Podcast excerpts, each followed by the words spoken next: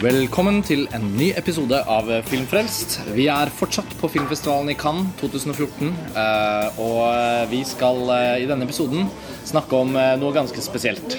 Ja, hei. Eh, mitt navn er Lars Ole Kristiansen, som dere sikkert også kjenner. Og Jeg er Karsten Meinick som vanlig. Det føltes som om vi måtte ta den, Ja. men uh, vi er jo fylt nå av uh, litt sånn uh, strukturell radikalitet etter å ha kommet ut fra den nye filmen til Jean-Luc Godard. ja, så vi tenkte å strukturere denne podkasten som et mer sånn språklig kaos. Kanskje blir det noe innslag av spesielle lydeffekter, noe mus klassisk musikk underveis som blir avbrutt. og Drømmen om, å klare, å- ja, drømmen om å klare å gjøre noen sånne metaeffekter i løpet av denne podkasten. Det er en drøm som vi får se om vi får utført. Men Godards nye film heter altså 'Adieu au langage', eller eh, 'Goodbye to language'. Eh, Den var i hovedkonkurransen eh, som en litt sånn et merkelig utskudd, nesten, på forhånd. Vi vet jo at Godard har holdt på med mye rart de siste par tiårene. Og nå er han liksom tilbake og skulle komme til Cannes, og kom selvfølgelig ikke til Cannes. Sendte en åtte minutter lang video om hvorfor han ikke kommer. Dagen har vært veldig rar og veldig spesiell, eh, og vi har blitt enige om at vi skal prøve å gjenfortelle opplevelsen av det å se Godard eh, for, i hovedkonkurransen. Ja, fordi- Lumière her ja, fordi- Vi har akkurat sett filmen. Vi har akkurat sett filmen, og opplevelsen av å se den i akkurat denne settingen er jo på en måte mer spesiell enn filmen i seg selv. Eh, Det betyr ikke at filmen ikke er spesiell, for det er den. Men eh, hvis man har fulgt litt med på hva Godard har gjort de siste ja, omtrent 20 årene, da, så er, jo, så er det jo på en måte veldig mye mer av det samme. Eh, jeg fikk aldri sett en film 'Sosialist', som han deltok med i Tandre Gard i 2010, var det vel. Men eh, jeg så den han lagde før den, som heter 'Notre Musikk'. Jeg har også sett en han har laget som heter 'Apropos Mozart'. Eh, og sett de to første episodene av 'Histoire de Cinema'. Ja, som var en TV-serie på en måte om filmhistorien, men selvfølgelig mye mer om Godard selv. Kan jo- laget over mange år. Eh, og det er vel kanskje den eh, Alle disse en, Altså siden Histoire de Cinema, men også, litt, også før det, det.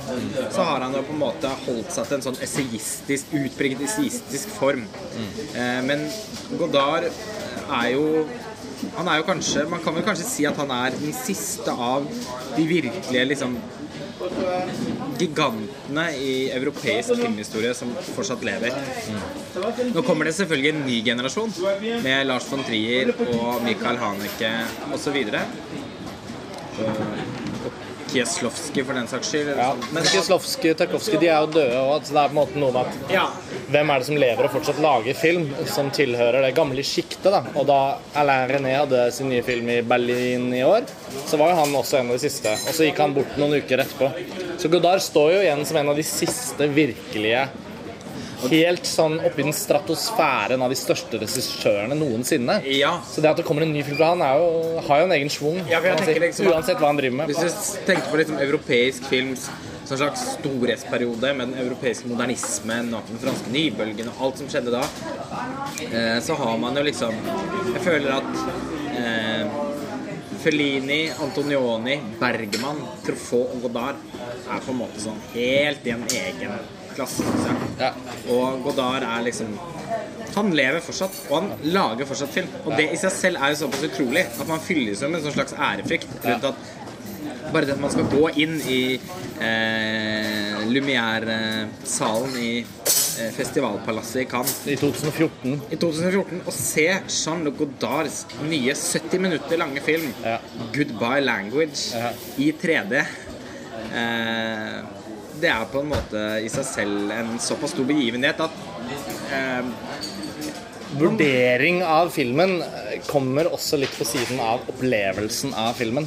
Det er, det er også en film det er vanskelig å vurdere etter normer som på en måte vi har gjort oss vant med, på sett og vis. Fordi uansett hvor forskjellige filmer er når de kommer på dusinet, så er det nå engang sånn at de fleste filmer holder seg til noe av det samme. Man forteller en historie, man har et slags en slags bildegrammatikk som man eh, utøver noenlunde innenfor samme verden. Og så har man selvfølgelig alt særlig. Dette er selvfølgeligheter.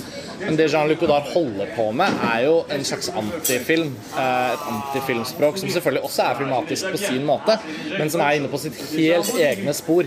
Eh, Og jeg tror selv om vi har sett en god del Godard begge oss, du har sett litt mer enn meg, tror jeg, så er jo ingen av oss Godard-kompletister. Eh, montasjeskribent Mats Otsen har sett alt av Godard. Og for, Absolutt. og for Alt faktisk ned til hver ja. minste kortfilm. Og et nikk til han for, for det, men, men og, det å, og det å ha den derre enorme appetitten på hva Godard holder på med, uansett hvilke vinglinger han tar, da, så er det jo helt åpenbart at en ny film av Godard er en er en hendelse av, av store proporsjoner. Uh, For deg og meg så føles vel, og det har vi snakket litt om, at en ny film fra Godard føles litt som en slags anakronisme. Det er litt sånn Ja, holder han på ennå? Hva er det han holder på med? Uh, For de filmene distribueres jo knapt i Norge i det hele tatt, det han har holdt på med de siste 20 årene, 25 årene. Så det er vel flere generasjoner som på en måte kjenner til Godards klassikere, men som på ingen måte er klar over helt hva det er han holder på med nå. Nei, altså hvis man skal liksom Og jeg så i dag den første av nye Godard-filmene jeg faktisk har sett. Det var veldig spesielt. Eh, hvis man skal gjøre, sånn, his, eh, gjøre et historisk riss, så er på en måte den perioden som Godard er mest kjent for, for de fleste. Og for den Godard man blir introdusert for når man bli, blir, er sånn grynesinast, og det kommer noen og skal fortelle deg den franske Du får låne en. DVD av noen. Ikke sant? Denne må du se. Er det enten til siste åndedrag, kanskje så kan det være Le Mupri eller Banda Apart, ja, Bande Apart. Altså, se, Den perioden fra 1960 til 1967, det er jo eh, den gylne perioden for Godard. Alle de liksom klassiske filmene hans, og alle de som regnes for å være mesterverker, kommer derfra. Nå er det, noen, nå er det også selvfølgelig mange som syns at eh, Histoire du Cinema er et veldig betydelig verk. Den var jo faktisk på Sighten Sound sin topp 100-liste. Den var det, den var det. Eh, skal man jo ikke glemme. Men, eh, men Godard-klassikerne de er alle sammen fra perioden mellom 1960 og 1967. Så det ganske ut, og det skal sies han var jo ut, fantastisk produktiv i den perioden. Så det er jo veldig mange filmer. Nei, vi, fordi vi har jo begge forberedt oss litt på Godard i forkant av årets festival. Det føles litt- Ja, inn eh, det føles litt viktig å bare varme seg opp litt med en Godard-film eller to. Og, og, og også bare sånn bare, Hva var det han Altså, hvor mye var det han gjorde og sånn? Og så bare scrolle noen oversikter og sånn. Det var vel et av de årene, du husker kanskje hvilket, hvor han lagde tre spillefilmer, tror jeg. Alle tre er vel å anse som ganske betydelige altså, så, han, han var så produktiv at det er nesten uten siden, sidestykke. Eh, han jeg, jeg satte meg ned med alle ting uh, maskulin, feminin, uh, som jeg ikke hadde sett. Jeg synes det var helt fantastisk. Utrolig bra. Men også fra den høy, høyperioden, da. Men den begynner å bli litt sånn politisk og litt sånn halvcrazy underveis der. Jeg så jo også Maskulin Feminin for første gang. Eh, fordi du hadde sett den. Og Ja. kom med sånn For den den var litt du fantastisk. Jeg var helt over meg. Jeg tror jeg har eid den på DVD siden 2005. Ja. Eh, men eh, av en eller annen grunn så har den havnet litt sånn i bakleksa. Og eh, den er spennende, for jeg hadde sett de to filmene som han lagde etterpå. De tre filmene han lagde etterpå. Uh, to eller tre ting jeg vet om henne. Uh, La Chinoise og Viken. Som alle tre er sånn, mer sånn utpreget radikale. Der begynner Godard å bli for alvor å bli opptatt av politikk. Og han begynner for alvor å forsøke å lage et slags antifilmspråk. Men som likevel er innenfor rollen av det man kan tenke på som art cinema.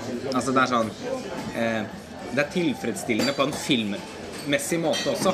Eh, det går ikke Det, det, Det er liksom det det, er det er rollefigurer, det er relasjoner, det er på en måte Og det er et ganske virtuost eh, filmatisk uttrykk Ja. som gjør at man får den derre det der skuddet med heroin som, som enhver eh, filmelsker vil ha når man Og- opplever en film. Og i 'Maskulær feminær' for eksempel, så er han jo fremdeles eh, en innovatør på andre måter enn å være sånn eh, filmspråklig retorisk og liksom være sånn sjokkartet i virkemiddelbruken. Han er jo egentlig veldig ømfintlig i de mellommenneskelige relasjonene. Det er fantastiske sånne Nesten sånn ikke, Det er en sånn realisme, egentlig, i hvordan han ser mennesker og lar dem snakke, og observere hvordan de snakker, og alt mulig sånt som, som han på en måte da definitivt har forlatt, eh, vil jeg si. Men, men liksom, det, det han gjør på sitt beste, er noe annet enn det Truffaut holdt på med. Det er veldig sånn Det er lett å liksom bare én-til-én-versjonen av hva Godard er bra på, er den derre the coolness, liksom. Ja, fordi han et lager kult klipp. De er stille i et minutt. Altså, sånn, altså, sånne konseptuelle Filmskapere som Wong Kar-wai og Jim Jarmusch har jo altså lånt så Og Quentin Tarantino, har altså lånt så mye fra Godard at uh, og Han er liksom kongen av coolness. Ja. Det er også noe han forlater. Ja, definitivt. Uh, men, uh, men fra 1960 til 67 igjen altså, altså Bare kulheten i noen av de filmene er jo helt uh, Men den er, Den er liksom, helt uovertruffen, da. men den er også blitt så mye et av Godard-varemerkene som Nå mener jeg nå i én-til-én-forholdet. Altså, de som virkelig setter seg inn i det, ser jo alt det andre uansett. Men sånn, det første du får høre om Godard, er liksom det. Men når man ser litt nærmere, så, så, så syns jeg han har en sånn veldig finslepen egentlig observasjonsevne på både det menneskelige, men også sånn relasjonsting. I hvert fall i maskulin feminin. Det- Nå ble det litt mye om den, bare fordi at det var en vi begge så nå før kamp. Litt tilfeldig, egentlig. Ja, ja. Og så er det denne overgangen som du var på vei til å beskrive i stad. Liksom inn i 70-tallet, overpolitisering. Ja, Så var han utsatt for en ulykke. og jo så han ble uvenner med Trofå pga. politiske uenigheter. Eh, Ble medlem av denne såkalte Siga Vertov-gruppen, som jo på en måte hatet film, holdt jeg på det. Eller de skulle i hvert fall aktivt forsøke å bruke filmen som politisk kampmiddel. Eh, Den perioden av Godard er den færrest har sett noe fra. Eh, Nå har de begynt å gi ut disse filmene på DVD, og jeg har allerede kjøpt en del av dem. Så jeg vet ikke om jeg skal si at jeg gleder meg, men jeg Men det er et potensial for utforskning. Absolutt. Jeg føler at det er viktig å på et eller annet tidspunkt sette seg inn i det og se det. så- Så kommer han han får en comeback på begynnelsen av 80 i 1980 med en film som heter Slow Motion. Eh, Den, og som også er kjent under to andre titler. Men jeg har alltid tenkt på den som Slow Motion, fordi det er det DVD-en min heter. Jaha. eh, Fra Artificial Eye. Eh, Og den er en helt glimrende film. Eh, Kjempe med Nathalie Baye og Isabel Huppert. Kjempespennende. Og der er han på en måte tilbake i en sånn slags hvor, hvor det, det kunstneriske utforskende er liksom balansert med noe man kan leve seg inn i. Eh, det er en slags historie der, eller det er i hvert fall noen eh, det er i hvert fall noen rollefigurer som man blir interessert i. Eh, og så har han også laget hadde han en periode på 80-tallet hvor han faktisk var litt mer tilgjengelig igjen. da, altså Noen filmer som Før det gikk tilbake. ja. For, før han Før han gikk til, ikke bare tilbake, tror jeg, men liksom en litt sånn Sidelengs og fremover, og baklengs og Ja. Godard i alle retninger, men samtidig men samtidig er jo alle de filmene som Jeg har sett den som heter 'Apropos Mozart' eh, og den eh, 'Notre Musikk', mm. og, og nå den her, da.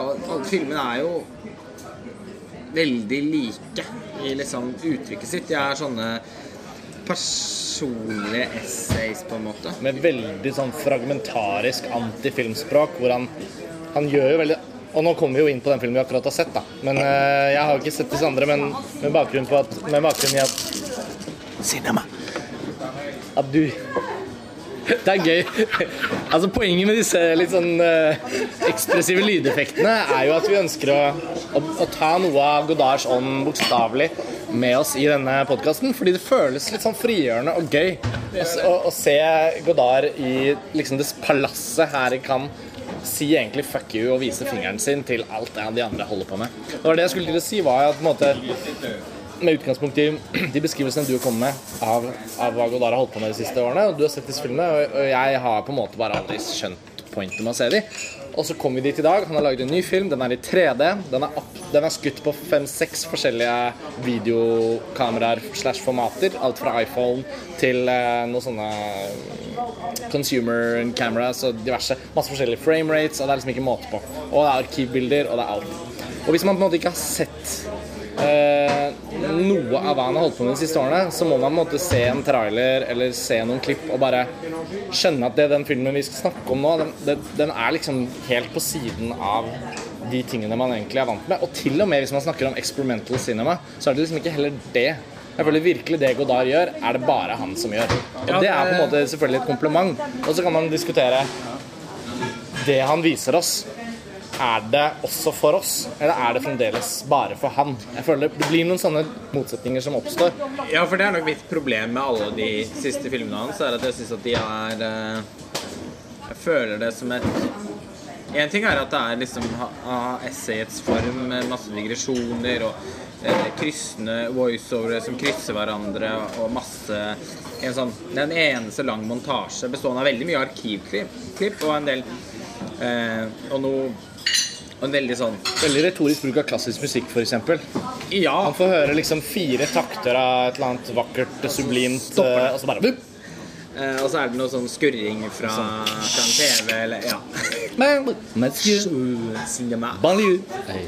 Veldig, veldig sånn. Og, og så står det gjerne bokstaver som blinker på skjermen. Og det står gjerne 'cinema', og nå denne gangen mye 'adjø'. I sånne røde, den Godard-fonten, den fonten man har brukt i alle år, eh, som blinker og flere ord oppå hverandre. Ja, altså, det, det er jo på en måte også sånn den totale parodien på kunstfilm. Eh, dette er det som folk tror. Eh, noen ganger kan tro at man ser eller man, Å, du har sett på Se filmer på filmfestivaler, ja, det er vel mye rart, eller, steng, eller når folk sier at de skal gå på Cinematek Cinematek, ja. Ja. Det er vel litt sånn Så tenker de deres verste mareritt at det er en sånn type film. Og det er, Og det er veldig lett og å verre på en måte, eller bortenfor ja, for det er eh, vanskelig å forestille seg hvor radikalt det er. Og man kan jo også liksom Man kan jo stoppe opp og få ja, det er. Egenartet er kanskje bedre, men jeg får også lyst til å stoppe opp og si sånn Keiserens nye klær. Fuck you. Du bare kødder med oss, liksom. Ja. Det er ikke noe å ta på alvor her, på, på sett og vis. Nei. Det jeg må si da om dagens opplevelse, var jo at med de lave forventningene jeg tross alt hadde For det var noe sånn kuriøst over å gå på den filmen i dag. Jeg hadde mer lyst til å se hva nå enn Jean-Luc Godard holdt på med, enn at jeg liksom hadde forventninger til å se en seriøst bra film som jeg virkelig faktisk ble berørt av, eller whatever. Jeg altså, vi har jo faktisk også prioritert å se Sånn er det vi kan hele tiden. At man må gjøre noen ganske harde valg. Man kan til og med måtte gjøre et sånt valg som innebærer at man må stå to-tre timer i kø på en film og ikke komme inn. Og så valgte du bort en annen. Ja. Men det ville uansett vært viktigere Ja. å vispe. altså sånn, Og Vi har jo faktisk dagen i dag eh, Kunne vi valgt å se en del annen, Ja. men vi valgte å se denne Godard-filmen. Og jeg følte virkelig at jeg visste hva vi kom til å gå til. Men på tross av det så er den kuriositetsfølelsen såpass stor. Og det å få lov til å gå inn i festivalpalasset og ta på seg 3D-briller Ja. og se den Godard-filmen selv om man ikke var der, eh, som var veldig leit. For da hadde det blitt typ ti ganger kulere. Men det føles liksom litt sånn essensielt. Ja, det gjør det. Og, og det jeg skulle til å si, var at jeg syns det faktisk var en veldig positiv opplevelse basert på forventninger. For det første var den 70 minutter. Den var ganske på en måte stram i sin I det den er. Så var den i hvert fall veldig konkret stram, og den hadde mye på hjertet. Og det mener jeg uten ironi. Altså, den var liksom veldig sånn den hadde alt sitt. Og den var aldri kjedelig, og det var veldig spesielt å se. Og så syns jeg tidvis filmen var såpass morsom og oppfinnsom og corny selvfølgelig, men også litt sånn liksom den derre selvhøytidelighet i positiv forstand, hvor den liksom den dro på litt. Jeg tror på en måte ikke at 'Keiserens nye klær' er Det er ikke det det er. Det er faktisk sånn at Godard ønsker å liksom statuere disse tingene. Jeg, ønsker, jeg tror ikke han ønsker å formidle det. For det er ingenting ved filmen som bærer preg av formidling. Da ville man ønsket å fòre dette budskapet på en tydeligere måte. Han er selv... Han er liksom ja, og det, er sånn her, Kanskje er han så jævla intellektuelt sofistikert at det bare går over hodet på oss alle. At han har noen mønstre og bånd og sånn. Men jeg liker heller å tenke at han, han er litt sånn Han er litt sånn um, B-filmaktig som kunstfilmskaper. Det er et bilde av en hund. De sier hunden eh, er det eneste som elsker oss mer enn seg selv. Elsker mennesker mer enn seg selv. Og så er det sånn Å, herregud, så jeg akkurat det? Eller hørte jeg akkurat det? Men så er det sånn Å, ja, men det var også litt flott. Men så, Ja. jeg skjønner det, den, den, vant, den vant meg litt mer enn jeg trodde den skulle gjøre. Ja, altså, han prøver vi også liksom å snakke om at det, det vi menneskene har til felles, er at vi alle går på do. Ja. Altså, Og så er det bilde av en mann som sitter og diskuterer Som sitter og diskuterer Rilke og bæsjer. Med lyden av at han bæsjer.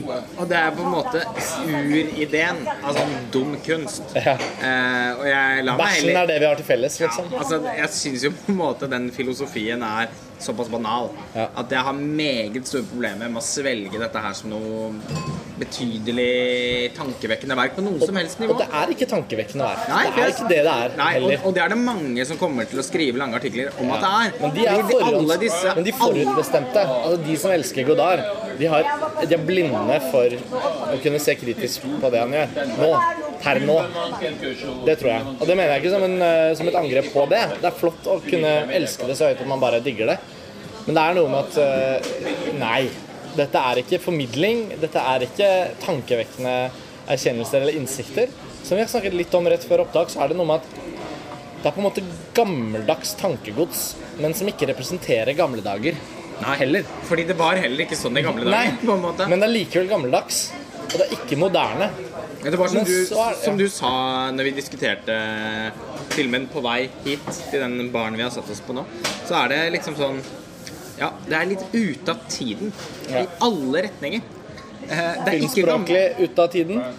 For det Ikke er spesielt moderne, Nei. for det blir noe annet igjen. Ja.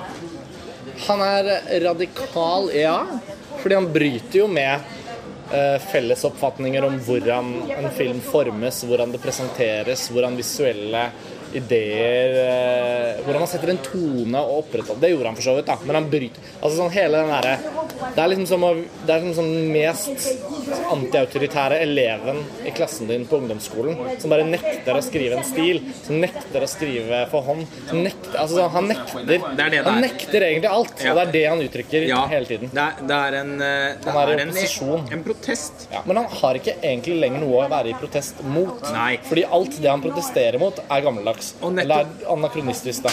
Og nettopp, nettopp. Og derfor kan man vel kanskje også si at det finner en eller annen sånn slags skjønnhet i at han fortsatt holder på med dette. Det syns jo jeg Det synes jeg er det mest rørende med hele filmen. Ja, det synes jeg altså, absolutt er det At han gir seg ikke. Han, den, den Men det mener jeg ikke på en sånn søtt at du prøver-måte. Jo, litt søtt. synes Ja, ok, jeg Men jeg syns ikke det er det. Jeg syns det liksom det er sånn Fy faen. Ja, dette gjør du. Men det ligger jo i grenseland, da. Ja, altså, jeg, jeg, jeg syns både det er det, og litt søtt på en gang. Ja. For det også Å, der. Ja. Og for å si det sånn, responsen i salen var også veldig søt. Ja. Eh, eller, og nesten søtladen. Nå snakker, nå snakker vi bare for å ha det sagt. Jeg vet at mange vet det, men bare for de som ikke vet det. Palasset i Cannes, Lumière, den kinosalen, der er det plass til 2500 mennesker, og det var helt fullt. Så Vi snakker ikke om en helt vanlig kinovisning heller. Det er snakk om et rom Når de da først begynner å klappe, så føler man sånn Det runger litt. Og det er også det mest nådeløse rommet i hele verden å vise en film. Ja. Fordi hvis filmen blir mislikt av salen, så går folk underveis, og de som sitter igjen, bu kan bue. Og det er liksom Det er mange ting som kan skje. Og applausen kan også ofte være veldig sånn lunken, høflig. Det var så stående applaus, og folk lo underveis av Og det var jo ikke fordi Vi- at alle spøkene til Godard i denne filmen med denne hunden og sånn var så fryktelig morsomme. Eh, det handler vel mer om at man liksom Å, Godard. Ja, Nå- der sitter han. ja, altså Han satt jo dessverre ikke i salen. Men, men liksom den følelsen av. Det er sånn Og jeg, jeg lever meg ganske mye inn i det, da. Så jeg er litt med på det. Jeg lo ganske mye underveis uh, selv. Ja. Og det var en Jeg tenker at det var en litt enestående og bra opplevelse. Men jeg har altså fortsatt utrolig store vanskeligheter med å sitte og liksom Vurdere det som film. Det er for meg veldig vanskelig. Og det har vært utfordringer med de tidligere filmene hans også. Jeg skal si at jeg Eller de tidligere av de nyere filmene hans. da. Så fra 1990 og fremover, ja, egentlig. ja. Til musikk, for eksempel, da, som jeg, jeg hadde vel en enda kjedeligere opplevelse med den enn med den her. Fordi at Enda kjedeligere høres feil ut, fordi dette var ikke kjedelig. Nei. Men det handler om settingen. Eh, så Når man sitter der med de 2500 andre menneskene, og det er ladet med den følelsen, alle med 3D-briller, det, det, det ble veldig spesielt. det Det er en bedre setting enn å si sånn Du, skal vi se en Godard-film? Jeg har den han lagde i 96. Not musikk. Skal vi eller sånn. Ja, ja. Og så skrur man på, og så ser man på hverandre etter 19 minutter og bare mm, Men skal vi bare Skal vi skru av? Ja, men, hvis ikke man er fantastisk interessert, da, og det er jeg veldig respekt for, men det er noe med at det er- likevel selv, ja. ja, selv for filminteresserte folk så er jo noe av det han har holdt på med, eksepsjonelt liksom distansert og fjernt. Det må sies. Det må sies. Og det er ikke det at uh, Jeg vil jo alltid ha den aller dypeste respekt for folk som er så interessert at de på en måte ikke Altså på en måte ikke er i et vurderende modus når de ser en film, men bare er i et, eh, Eventyr, i et liksom, skarp, nysgjerrig, analytisk, ja. nysgjerrig modus. Eh, og jeg har det jo sånn med flere filmskapere selv. Ja. Som på en måte uansett Brian De Palma, for eksempel, han kan aldri Kan basically aldri lage en dårlig film for meg. Eh, selv om jeg syns et par-tre av, par-tre av filmene hans er liksom svake, eller men, men det blir noe et eller annet. Det er likevel mye å se på der. Er mye Ja, å hente. ja jeg kunne tenkt meg at sett Og det er veldig forståelig at Godard fremkaller det hos mange. Det er veldig forståelig. Fordi han holder jo virkelig på med noe. Ja, og det er ikke Og, og man kan ikke si at det han holder på med er kjedelig. Nei. Det er det i, i Men så sånn For å, Ja. for å gå litt sånn konkret inn på den adieu langage, så tenker jeg sånn Jo, OK. Han eh, tar farvel med språket, bokstavelig talt, kan man si. Og så presenterer han eh, en sånn kapittelinndeling som også går bakvendt. Så det er sånn kapittel 1 eh, natur, eller nature. Og så er det kapittel 2, og så er det gått tilbake Ja, meta, ne- metafor. Metafor var Og så er det kapittel 1 igjen, natur, og så er det kapittel 2 igjen. Altså sånn, sånn holder han på. Og så første store, varme latteren i salen var etter et par minutter hvor det er en sånn blanding av prolog og fortekst, som selvfølgelig ikke har noen enkle grenser seg imellom. Alt bare flyter. Men så kommer det et, et, en tekstplakat hvor han, hvor han har plassert en rød font hvor det står 3D helt forrest i 3D-bildet, liksom, så det kommer nærme oss. Og så i bakgrunnen bak 3D så har han skrevet 2D i hvitt. Ja, ja. I, på 2D-planet. Og det er liksom det er, liksom- det er veldig morsomt. Ja, det- Godard vet at han har laget en 3D-film, han vet at publikum ser det, og så sier han bare med tekst 3D, 2D. Øh. Og så kan man- Og kan man skrive What Godard says about the His rhythm. comment on 3D as Yeah. medium as la la la It's incredible the way she only in the like Ja. Og så Fordi, ja, det er jo en viss type unge amerikanske kritikere som har en sånn helt hensynsløst hengiven eh, omfavnelse av Godard, som vi tuller mye med. Vi For det- kjenner noen av de. Ja. Så uh, Men- men- det blir spennende å snakke med noen av de om film i dag. Yes. Men, men det han gjør der, da Unnskyld, men det han gjør der, det er faktisk Det er ikke ironisk eh, distanse fra, fra meg når jeg opplever det. Det er liksom Faen, det er morsomt, det. Det hadde vært gøy hvis, eh, type, hvis Woody Allen gjorde en film i 3D, da. Og han gjorde det samme sånn, hm, 3D, men også 2D. Ja. Altså, sånn, det, er, bare, bare, det er deilig å se.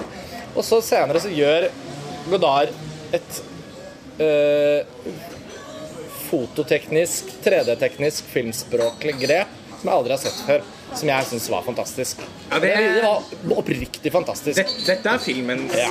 Den scenen tenker jeg det er filmens bidrag. Ja. Eh. Høydepunktet, og det må vi snakke om, høydepunktet i Adieu au langage er en scene hvor to, en mann og en dame, som er de, de, de menneskelige figurene som går igjen, de er ikke helt rollefigurer. Fordi de, de, er bare, de er bare der for å fremføre dialogen. De bor i et hus og er nakne og går på do ja, og diskuterer. og diskuterer. Og så er det et bilde som da er i 3D, hvor vi ser de to stå og snakke sammen. Og så idet han går ut av bildet, så merker vi at 3D-bildet blir sånn dobbelteksponert. Og man kjenner er det noe galt med 3D nå, eller, og, og så vrir man litt på brillene. Men så ser du egentlig at for 3D rent teknisk er jo to bilder projisert på en måte som gjør at 3D-brillene separerer dem og sender ett til det høyre øyet ditt og ett til det venstre øyet ditt.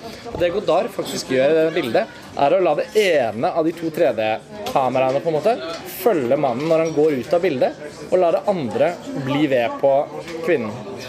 Og når man da, mens vi satt og så filmen, når vi da blunket, eller holdt det ene øyet lukket, så kunne vi se på det ene bildet. Og hvis vi byttet øye, så så vi fortsatt på det andre bildet. På den måten kunne vi i selve opplevelsen av filmen sitte og klippe frem og tilbake til de, mellom de to forskjellige rollefigurene. Eller bare se på dem dobbelteksponert. Altså, aktiveringen av oss inn i det bildet var reell liksom, innovasjon. Jeg følte jeg aldri sett noe lignende. Nei, ikke heller. Det var Og bare det det varte Han brukte det en gang til Ja, senere i filmen. til Men såpass lenge, ja, og såpass lenge etter at det ikke var som en sånn he-he. Men det var litt sånn akkurat sånn at han gjorde det to ganger, da. Men da han gjorde det den første gangen, og det varte lenge nok til jeg tror mange i salen skjønte det, at man kunne blunke, og så var det sånn Oi. Og da det bildet var ferdig, så brøt salen ut i liksom bare umiddelbar applaus. Og det var ikke en sånn Den applausen var sånn Cannes-festivalen anerkjenner at Godard har brakt et nytt bilde til filmhistorien. Liksom. Dette har vi ikke sett før. Og applausen liksom, som spredde sånn gjennom salen. Det føltes litt historisk og litt flott. Selv om filmen som helhet Det kan vi snakke om, men liksom akkurat det. Den gjorde det. Det satte jeg veldig stor pris på. Jeg synes det var helt supert. Jo, men jeg er helt enig. Altså, Det var jo det ene øyeblikket som virkelig kommer til å stå seg, tenker jeg. Fordi at det er, som du sier, det, det er en oppriktig Det er en innovasjon. Eh, Der holder han på med en Det, er en nyskaping, det han gjør der. Og det eh, at Det å se at Godard fortsatt evner å være en filmskaper som kan komme med bidrag, altså filmspråklige bidrag, også Ja. innenfor et nytt Ja, det man nesten kan si er et nytt medium, da. 3D-filmen. Det er i seg selv litt magisk. Ja. Og det det, den, og det er det hele salen i Cannes reagerer på. Ja. Og det er fantastisk å være vitne til at, at dette skjer. Vi har sett mye film her nede. Ja. til nå i år, og i fjor og i forfjor. Og det er veldig sjelden man opplever at salen, på bakgrunn av et rent visuelt grep Altså at filmskaperen gjør noe med bildet sitt. Det er ikke det som skjer i bildet, men det bildet er. Altså blir møtt med umiddelbar applaus. Publikum her sitter og sier takk, ja. Du har brakt noe nytt til øynene våre. Det er helt utrolig. Altså det er, jeg det veldig spesielt og kult å oppleve. Så det, det følte jeg det var viktig bare å nevne mens vi snakker om filmen, fordi det var så spesielt. Ja, men det kjempe... Filmen for øvrig handler egentlig mest om en hund, Ja. kan man, kan man vel si. Men, altså, den Palm Dog-prisen burde vel være Skal vi gi kort bakgrunn? rekkevidde. Ja.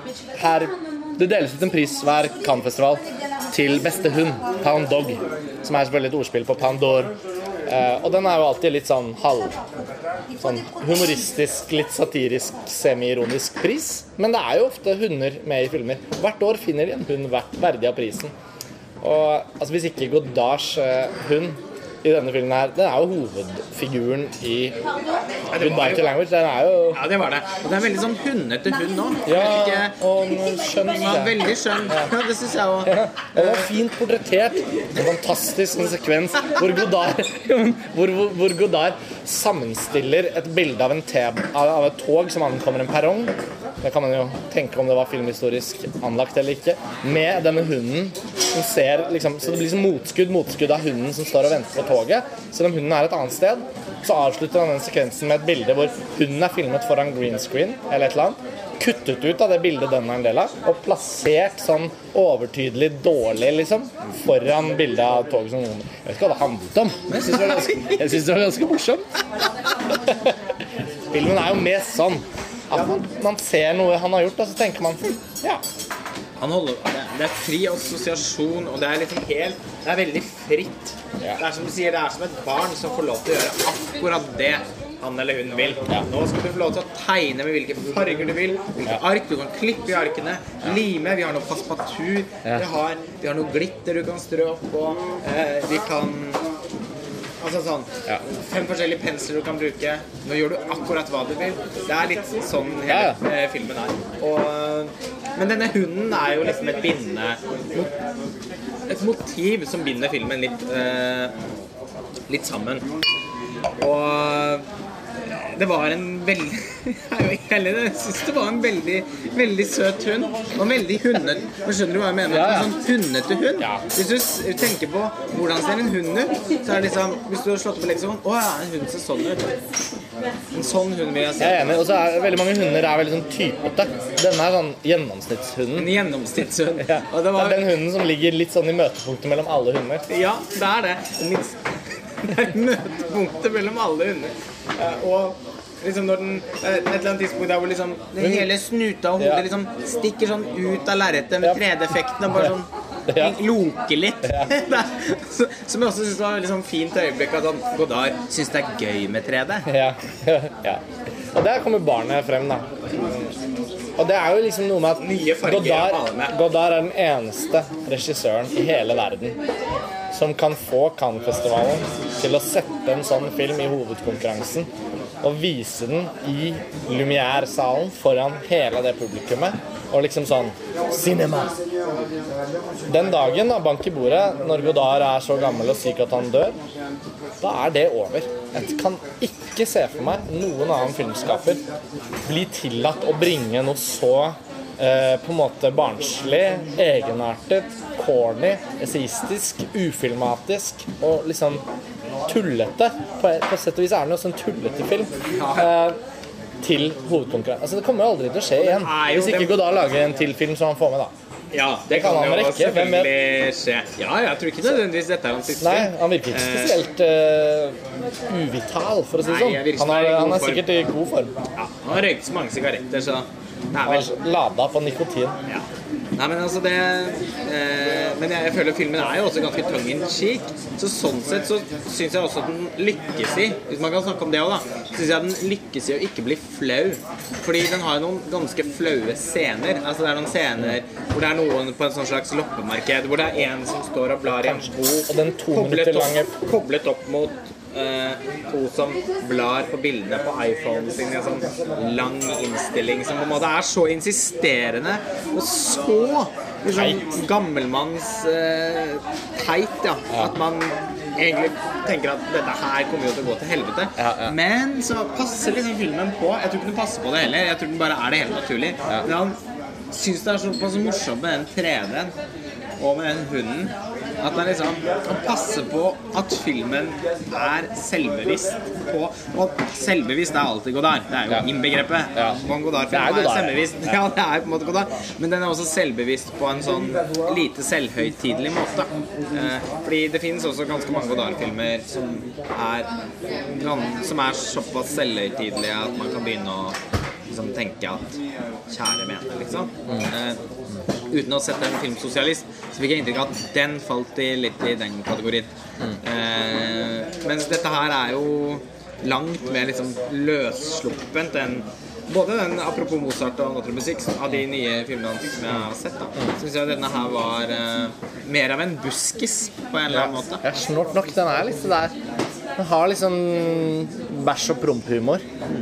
Koblet med opplesninger av Rilke, og koblet med Det var en sånn periodesekvens på to minutter med lord Byron som ankommer, altså sånn, som var jo ganske dårlig, da. Syns jeg var påtagelig noe av det mest ræva i filmen. Men, for det var sånn Nå skal vi gjøre dette! Nei, ikke gjør det. Da er det bedre med de derre liksom øh, I klippen sakket ned bildene, sånn grove sånn Du har skrudd på slow motion etterpå, så det blir sånn her helt sånn grov eh, bevegelse i bildet. Ha noen bilder filmet ut av et bilvindu med noen trafikklys og sånn helt sånn. Jeg setter mer pris på det på sett og vis enn sånn i staged periodescene. Liksom helt- De dårligste tingene i filmen var faktisk de som lignet mest på vanlig film. Ja. Disse scenene på det loppemarkedet og som var jo hårreisende svake. Og Eh, tidvis syns jeg også på slutten med de to mann og kvinne, da Når det ble sånn grada ned til sånn nesten svart-hvitt, men ikke helt svart-hvitt, og litt sånn kontrastfylt sånn. Mm. Alt med hunden derimot syns jeg var veldig sånn naturalistisk og deilig. Bare sånn Godard er ute i parken, filmer med 3D-iPhonen sin, eller hva faen. ja, men det, Ja, alt nydelig. med disse blomsterengene med de superintroverte fargene og sånn, det syns jeg på en eller annen måte funka litt som en sånn som på en måte, en som braka- eller liksom Ja, sånn, litt. sånn type veldig eksperimentell Ja, men så blir det jo ikke egentlig heller eksperimentelt. For jeg føler jo på en måte at det å gjøre det er nå blitt mainstream. Altså det er liksom å trykke på filterknappen på, på, på, appen din. Jo, men så har du det, liksom. Eh, og ideelt sett så hadde han vært i stand til å se og identifisere at den kulturen rent visuelt er nå blitt allemannseie, og så godt og kommentert det. Men jeg føler ikke at han har innsikten. Så det blir ikke en kommentar på det heller. Nei, nei, nei, det gjør det ikke det Han holder på med noe Han, han sitter bare selv Og det er jo, det, og det er jo sånn, fra spøk til alvor på en måte det grunnleggende problemet med filmen. da Som gjør at jeg heller virkelig ikke føler at jeg kan synes at jeg sier at det er noen god film. Er at Nei. jeg føler ikke han har noe å komme med. Eh, det er et morsomt, friskt pust. Særlig i denne settingen. Ja. Og den er Isolert fra det her, så er det vel er det veldig begrenset hva det, det blir på en måte et ganske privat prosjekt, syns jeg. Nå, selv om det er mange, overraskende mange som har glede av det, så syns jeg jo ikke han eh, Apropos, som du sier, jeg er jo enig i det. Selv om jeg omtaler det som eksperimentelt, så er det også det litt sånn latskap fra min side. For jeg tenker ja, ja, det er jo det som er eksperimentell film, på en måte. Men det, det føles ikke ut som noe Det er en veldig en veldig konvensjonell måte å eksperimentere på. da Hva skjer hvis jeg snur bildet opp ned? Hva skjer hvis jeg gjør at alle fargene blir motsatt av det de egentlig er? Når de bildene kommer, så føler jeg at jeg kan se en person sitte ved en datamaskin med et redigeringsprogram og teste ut effekter og filtre. Det er det det forteller meg. Ja. Eh, mer enn at det sier noe. Og jeg tenker at hvis Godard faktisk hadde hatt lyst til å gjøre noe virkelig radikalt også med bruk, Jeg syns jo heller ikke bruken av 3D i filmen var spesielt spennende eller vellykket. Med unntak av det vi har snakket om. Unntak av den ene sekvensen, eller det ene grepet, så syns jeg jo også den var slitsom å se. Ja. Fryktelig sånn 3D kan være Det er sikkert mange som kjenner seg igjen i dette. At når du har sett en film i 3D, så føler du deg litt så sliten. Jeg hadde vondt i hodet etter filmen, som jeg følte utelukkende kom fra anstrengelsen det rent visuelt var å se det. Fordi det var så mange bilder som var konvertert til 3D, men som ikke var ordentlig innstilt. Så det var sånne bilder som Du visste ikke hvor du Du fikk ikke liksom grep i bildet på hvor du skulle fokusere, for det er jo det som ofte skjer med 3D. Og når underteksten kom, så hadde jeg noe å fokusere på, så hadde jeg bare hvilte jeg det der, liksom, og så ventet jeg på neste bilde. Men det var et par ganger, for jeg var ikke trøtt da vi så den. Det var et par ganger hvor jeg bare lukket øynene. For jeg syns det var strevsomt å se det. Og så visste jeg jo at det, ble, det som ble lagt fram i bildet, var nok ikke nødvendigvis så utrolig viktig der og da. Ehm, så selvfølgelig, hvis man først skal liksom komme med en slags vurdering, så er jo dette en meget uh, Altså, denne filmen er for spesielt interesserte. Ja. Det må man jo bare si. Dette er jo ikke Dette er bare rett og slett snålt. Og spesielt på den måten at vi har sett den her i Cannes, som gjør det verdifullt også. Og så er det visse eh, øyeblikk underveis som har en sånn genuin følelse av innovasjon, som vi har snakket om, og, og også andre ting vi ikke har snakket om. Men jevnt og trutt gjennom filmen så er det ting der. Men det er jo ikke dette Jeg tror for oss to, og for de fleste vi kjenner, så er det ikke dette det handler om når man vil se noe bra. Det må vi bare ærlig si, at det er liksom ikke Det er ikke her det foregår. Men det er heller ikke Mr. Turner og Mike Lee det foregår. Nei, nei, nei. Og det er bare for å ha trukket, bare for å trekke inn den filmen igjen. Altså, det er sånn Det er noe med at uh, de gamle mennenes tid litt er forbi. Uh, det føler jeg litt. Vi lærer i år. Og dette har man jo kunnet lært tidligere, òg, det er ikke det, men sånn Mike Lee som leverer en sånn en sånn drepende, konservativ, tradisjonell, uspennende, grov biografifilm om Mr. Turner, som selv var en kunstner som var alt annet enn det da han levde. Og uten sammenligning for øvrig, så likevel, da. Jean-Luc Godard sitter liksom i Sveits og holder på med disse filmene sine. Og cinema og adieu og langage og sånn. Men så blir det også litt sånn I morgen så skal vi sette oss ned med en ny film fra Xavier Dolan. Og han, og han, og han ble født eh, liksom da Jean-Luc Coudard holdt på med Histoire du cinema.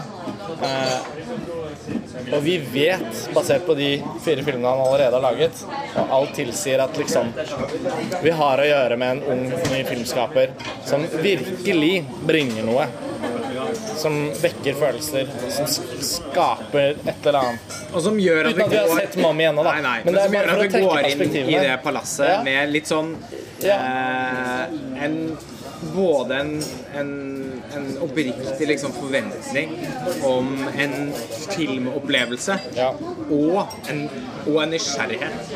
Hva er det han skal liksom servere oss denne gangen? Fordi eh, han har gjort så mye forskjellig så langt. At, eh, og, det, men, og han er jo selvfølgelig bare, bare et av eksempel, et, et eksempel på det motsatte av egentlig det du sier om, er jo da Takk Gud, eh, David Cronenberg. Jeg skulle til å nevne han, Eh, ja, Fordi den nye filmen hans, 'Maps to Stars', er altså helt fantastisk, og den skal vi snakke mer om i en egen podkast.